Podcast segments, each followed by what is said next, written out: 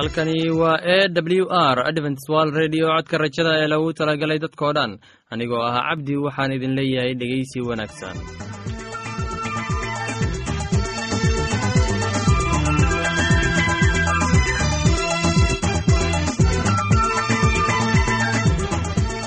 Barnaamijyadeena maanta waa laba qaybood. Qaybta kuwaad waxaad ku maqli doontaan barnaamijka nolosha qoyska. Kadib waxaa inoo raaci doonaa cashar inaga yimid bugga nolosha ee dhegeysi wacan kulanti wacan dhegaystayaal kuna soo dhowaada barnaamijkeennii nolosha qoyska oo aad xiliyadan oo kale aad hawada inaga dhegaysan jirteen.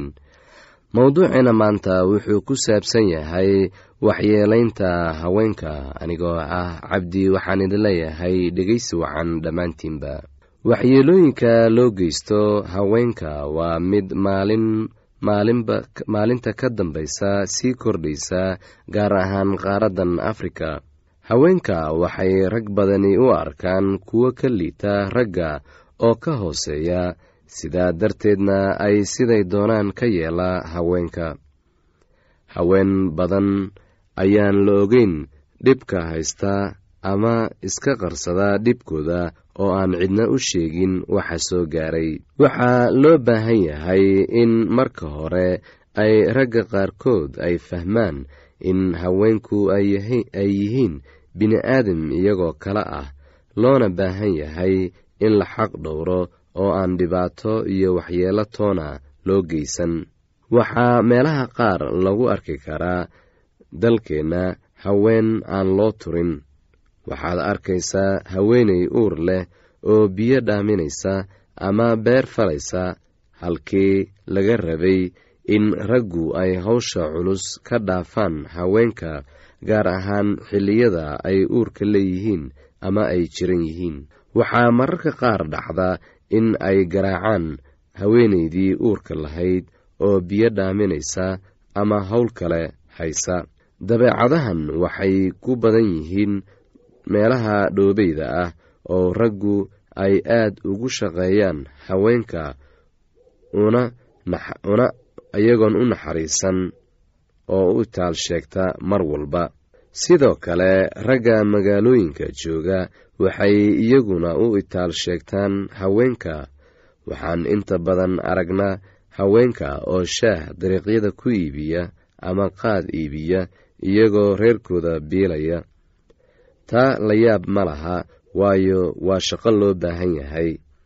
Laakiin waxaa dhacdaa in rag badani ay ku dilaan xaasaskooda ama ay ku qayliyaan si qaad loogu iibiyo. Haddii ay sansiinin lacag ay ku iibsadaanna ama qaadka aysan siinin ay markaa qaylo iyo dhibaatooyin u geysanayaan. Haddaba dhegaystow ku xadgudubka haweenka waa dembi weyn ilaah agtiisa waana in aan waajib ballaaran iska saarnaa dhowrista xuquuqda haweenka waayo waynala dhasheen oo wayna dhaleen waana aan la dhalanay. Rag inala mid ahna way la dhasheen. Ragga qaar ayaa qabaa in haweenku aysan inaba xuquuq lahayn ama u maleeya in ay ka liitaan. Runtii ragga iyo haweenka ilaah ayaa wada abuuray oo ilaah agtiisa way u wada siman yihiin. Ogow haddii aad xaqirto ruux haweenay ah inaad xaqirtay hooyada tii ku dhashay adiga. Ragga qaar ayaa si xun u garaaca haweenka oo dhaawacyo xunxun gaarsiiya. Qaar nafta ayay ka qaadaan qaarna way kufsadaan hadday doonaan. Halka qaar ay si xun ugu shaqeeyaan. Haweenka waa bini-aadan mana aha in si xuushnimo ah loola dhaqmo waana mid dembi ah. Xaqiraadda lagu hayo haweenka. Waxaan ognahay in haweenka ay galaan dembiyo balse ma aha in qaladka ay galaan qalad kale lagu gudo ama aan lays odhan cid kaa celin karta ma jirto sidaa darteedna sidaad doonto ka yeel ragga quman waa kuwa u naxariista haweenka oo u tura balse kan maangaabka ah ayaa ku xadgudba haweenka. Dad badan oo soomaali ah ayaa qaba in gabdhuhu aysan wax faa'iide ah u lahayn reerka ay ka dhalatay balse qaba in ay ceyb u soo jiidayso. Waxaan maanta wada ognahay in gabdhuhu ay boqolkiiba boqol ka naxariis badan yihiin wiilasha kana waxtar badan yihiin guud ahaan haweenku waa aasaaska bulshada maadaama ay aasaaska bulshada yihiinna waa in ahmiyad gaar ah la siiyaa oo aan lagu xadgudbin lagana ilaaliyaa kuwa ku xadgudba haweenka sharcigana la keeno si waajibaadkooda loo marsiiyo. Dhegeystayaasheenna qiimaha iyo qadarinta mudano waxaan filayaa inaad si habboon u dhegeysan doontaan haddaba haddii aad qabto wax su'aal ama talo iyo tusaale oo ku saabsan barnaamijyadeena maanta fadlan inala soo xiriir. Dib ayaynu kaga sheegi doonaa ciwaanka yagu balse intaynan u guda gelin barnaamijyadeena xiisaa leh. Waxaad marka hore ku soo dhowaataan heestan daabacsan. Rajada at hotmail com. Haddana kabawasho wacani heestanii soo socota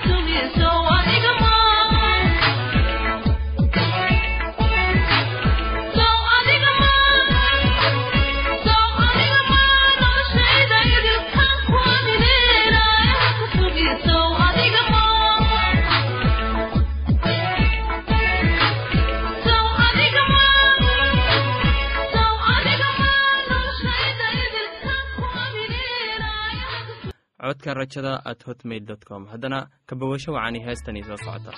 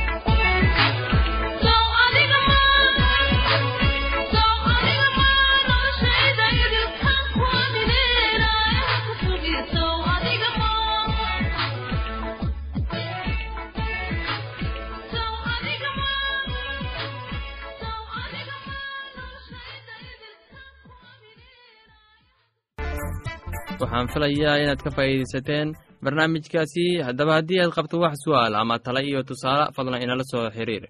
Ciwaanka waa codka rajada sanduuqa boosada afar laba laba todoba lix nairobi kenya. Mar labaad ciwaanka waa codka rajada sanduuqa boosada afar laba laba todoba lix nairobi kenya. Imeilka waa somali at a w r o r g. Mar labaad imeilka waa somali at a w r o r g.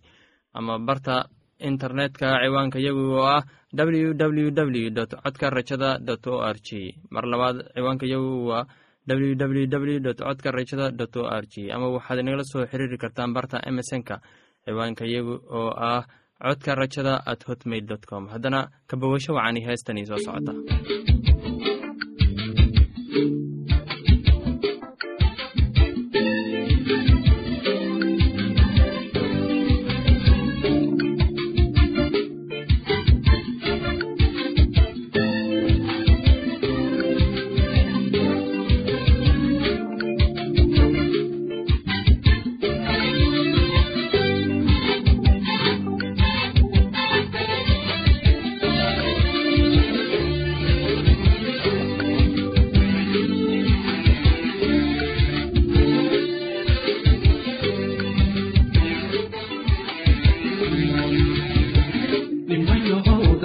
มาเป็น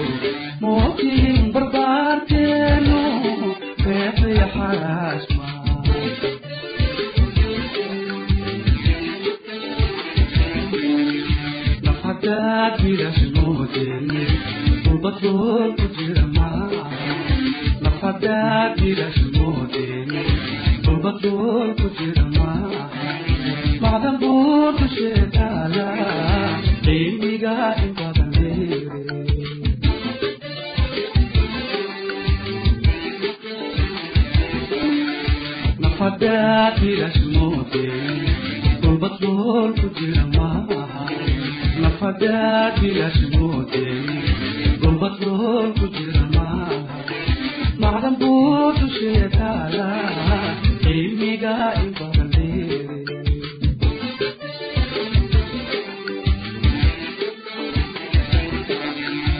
erigay adambo haddii aan baroordiqo erigay adambo haddii aan baroordiqo baaqayayla garan doona waxaanahay bukaa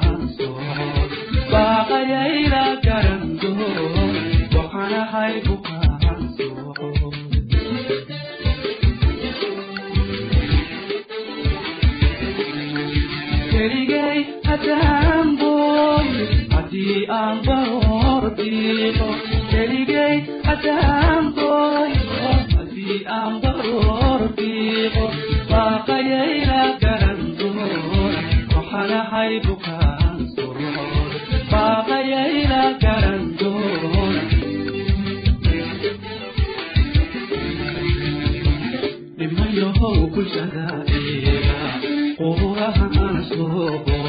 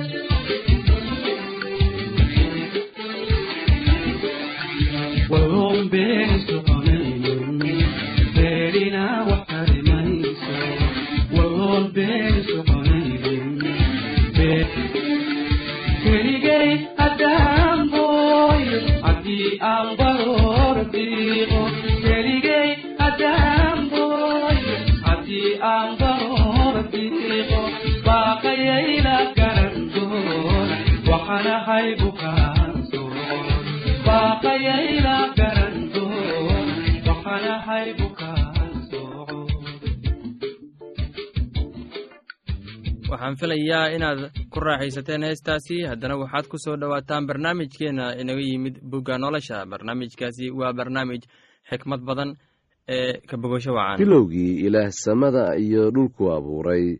Dhulkana qaab ma lahayn wuuna madhnaa. Gudcurna muulkuu dul joogay oo ruuxa ilaahna wuxuu ka dul dhaqdhaqaaqayay biyaha. Ilaahna wuxuu yidhi iftiin ha ahaado iftiin baana ahaaday. Ilaahna wuxuu arkay iftiinkii inuu wanaagsan yahay. Ilaahna iftiinkii ayuu ka soocay gudcurkii ilaahna iftiinkii wuxuu u bixiyey maalin gudcurkiina wuxuu u bixiyey habeen. Waxaana jiray fiid iyo subax isla maalin ah. Ilaahna wuxuu yidhi meel bannaani ha noqoto biyaha dhexdooda oo iyadu biyaha ha ka soocdo biyaha. Markaasuu ilaah sameeyey meeshii bannaanka ahayd oo wuxuu biyihii bannaanka ka hooseeyey ka soocay kuwii bannaanka ka sarreeyey. Sidaasayna ahaatay ilaahna bannaankii wuxuu u bixiyey samo waxaana jiray fiid iyo subax maalintii labaad. Ilaahna wuxuu yidhi biyaha samada ka hooseeya meel ha isugu soo urureen oo ciidda engegani ha muuqato. Sidaasayna ahaatay. Markaasuu ilaah ciidda engegnayd u bixiyey dhul ururkii biyahana wuxuu u bixiyey bado oo ilaah wuxuu arkay intaasuu wanaagsan tahay. Ilaahna wuxuu yidhi dhulka ha soo bixiyo doog iyo geedo yaryar oo iniino dhala iyo geedo waaweyn oo midho caynkooda ah dhala oo inanahoodana ku dhex jiraan oo dhulka ku kor yaal sidaasayna ahaatay dhulkiina wuxuu soo bixiyey doog iyo geedo yaryar oo leh inino caynkooda ah iyo geedo waaweyn oo midho dhala oo inanahooda ku dhex jiraan iyagoo caynkooda ah. Ilaahna wuxuu arkay intaasu wanaagsan tahay waxaana jiray fiid iyo subax maalintii saddexaad. Ilaahna wuxuu yidhi iftiimo ha ahaadeen meesha bannaan oo samada dhex ah si ay u kala soocaan maalinta iyo habeenka oo ha u ahaadeen calaamooyin iyo xiliyo iyo maalmo iyo sannado oo iftiimo ha u noqdeen meeshii bannaanayd oo samada dhex ahayd si ay u iftiimiyaan dhulka dushiisa sidaasayna ahaatay oo ilaah wuxuu sameeyey laba iftiin oo waaweyn si uu iftiinka weyn u xukumo maalinta. Iftiinka yaruna u xukumo habeenka oo xidigahana wuu sameeyey. Ilaahna wuxuu iyaga dhigay meeshii bannaanayd oo samada dhex ahayd si ay dhulka u iftiimiyaan oo ay u xukumaan maalinta iyo habeenka oo ay iftiin uga soocaan gudcurka ilaahna wuxuu arkay intaasu wanaagsan tahay oo waxaana jiray fiid iyo subax maalintii afraad oo ilaah wuxuu yidhi biyuhu ha u soo bixiyeen uun dhaqdhaqaaqa oo badan oo naf nool leh.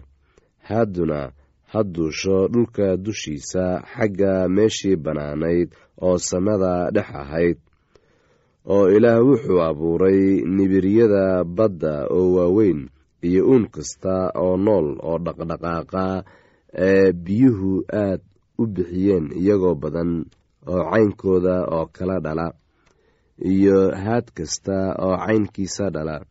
Ilaahna wuxuu arkay intaasu wanaagsan tahay oo ilaah baa barakadeeyey iyaga isagoo leh wax badan dhala oo tarma oo biyaha badda ka buuxsama haaduna ha ku tarmeen dhulka oo waxaana jiray fiid iyo subax maalintii shanaad oo ilaah wuxuu yidhi dhulku ha soo bixiyo uun nool oo caynkiisa dhala kuwaasoo ah xoola iyo waxa gurguurta iyo dugaagga dhulka oo caynkooda dhala sidaasayna ahaatay ilaahna wuxuu sameeyey dugaagga dhulka oo caynkiisa dhala iyo xoolo caynkooda dhala iyo wax kasta oo dhulka gurguurta oo caynkiisa dhala. Ilaahna wuxuu arkay intaasu wanaagsan tahay. Ilaahna wuxuu yidhi aan nin inoo eg ka samayno araggeenna oo iyagu ha xukumeen kalluunka badda iyo haadda hawada iyo xoolaha iyo dhulka oo dhan iyo waxa dhulka gurgurta oo dhan oo ilaah nin buu ka abuuray araggiisa ilaah araggiisa ayuu ka abuuray isaga lab iyo dhadig ayuu abuuray. Oo ilaah baa barakadeeyey iyaga oo ilaah wuxuu iyaga ku yidhi wax badan dhala oo tarma oo dhulka ka buuxsama oo ka sara mara dhulka xukuma kulunka badda iyo haadda hawada iyo wax kasta oo nool oo dhulka kor dhaqdhaqaaqa. Oo ilaah wuxuu yidhi bal eeg waxaan idin siiyey geed kasta oo yar oo iniino dhala oo ku yaal dhulka dushiisa oo dhan iyo geed kasta oo weyn kaasoo miro leh oo iniino dhala oo waxay idiin noqon doonaan cunto oo dugaag kasta oo dhulka jooga iyo haad kasta oo hawada oo hawada duusha iyo wax kasta oo dhulka gurguurta oo naf nool leh ayaan geed kasta oo cagaar ah cunto u siiyey. Sidaasayna ahaatay oo ilaah wuxuu arkay wax kasta oo uu sameeyey oo bal eeg aad bay u wanaagsanaayeen. Waxaana jiray fiid iyo subax maalintii lixaad. Heestaasi iyo casharka buugga nolosha ayaanu ku soo gabgabayneynaa barnaamijyadeena maanta. Halkaad inaga dhegeysanaysaan waa laanta afka soomaaliga ee codka rajada ee lagu talagelay dadka oo dhan. Haddaba haddii aad doonayso inaad wax ka faa'iidaysataan barnaamijyadeena sida barnaamijka caafimaadka barnaamijka nolosha qoyska iyo barnaamijka kitaabka quduuska fadlan inala soo xiriir. Ciwaanka yagu waa codka rajada sanduuqa boosada afar laba laba todoba lix nairobi kenya. Mar labaad ciwaanka yagu waa codka rajada sanduuqa boosada afar laba laba todoba lix nairobi kenya. Imeilka yagu waa somali at a w r o r g. Mar labaad imeilka waa somali at a w r o r g. Ama emesonka oo ah codka rajada at hotmail dot com. Mar labaad emesonka yagu waa codka rajada at hotmail dot com. Ama barta internetka ayaad ka akhrisan kartaan barnaamijyadeena iyo ka maqasha sida w w dot codka rajada dot g dhegeystayaasheena qiimaha iyo qadarinta mudan oo barnaamijyadeena maanta waa naga intaas. Tan iyo intaynu hawada dib ugu kulmayno. Waxaan idin leeyahay sidaas iyo ammaano allah